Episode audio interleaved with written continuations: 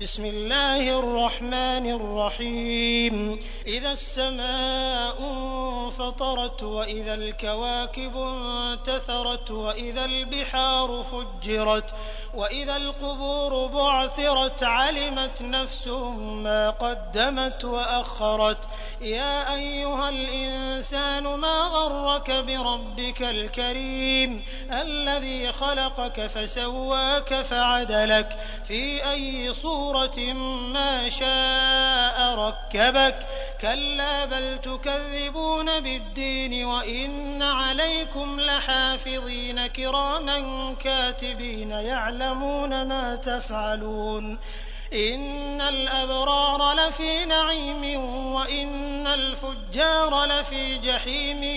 يصلونها يوم الدين وما هم عنها بغائبين وما أدراك ما يوم الدين ثم ما أدراك ما يوم الدين يوم لا تملك نفس لنفس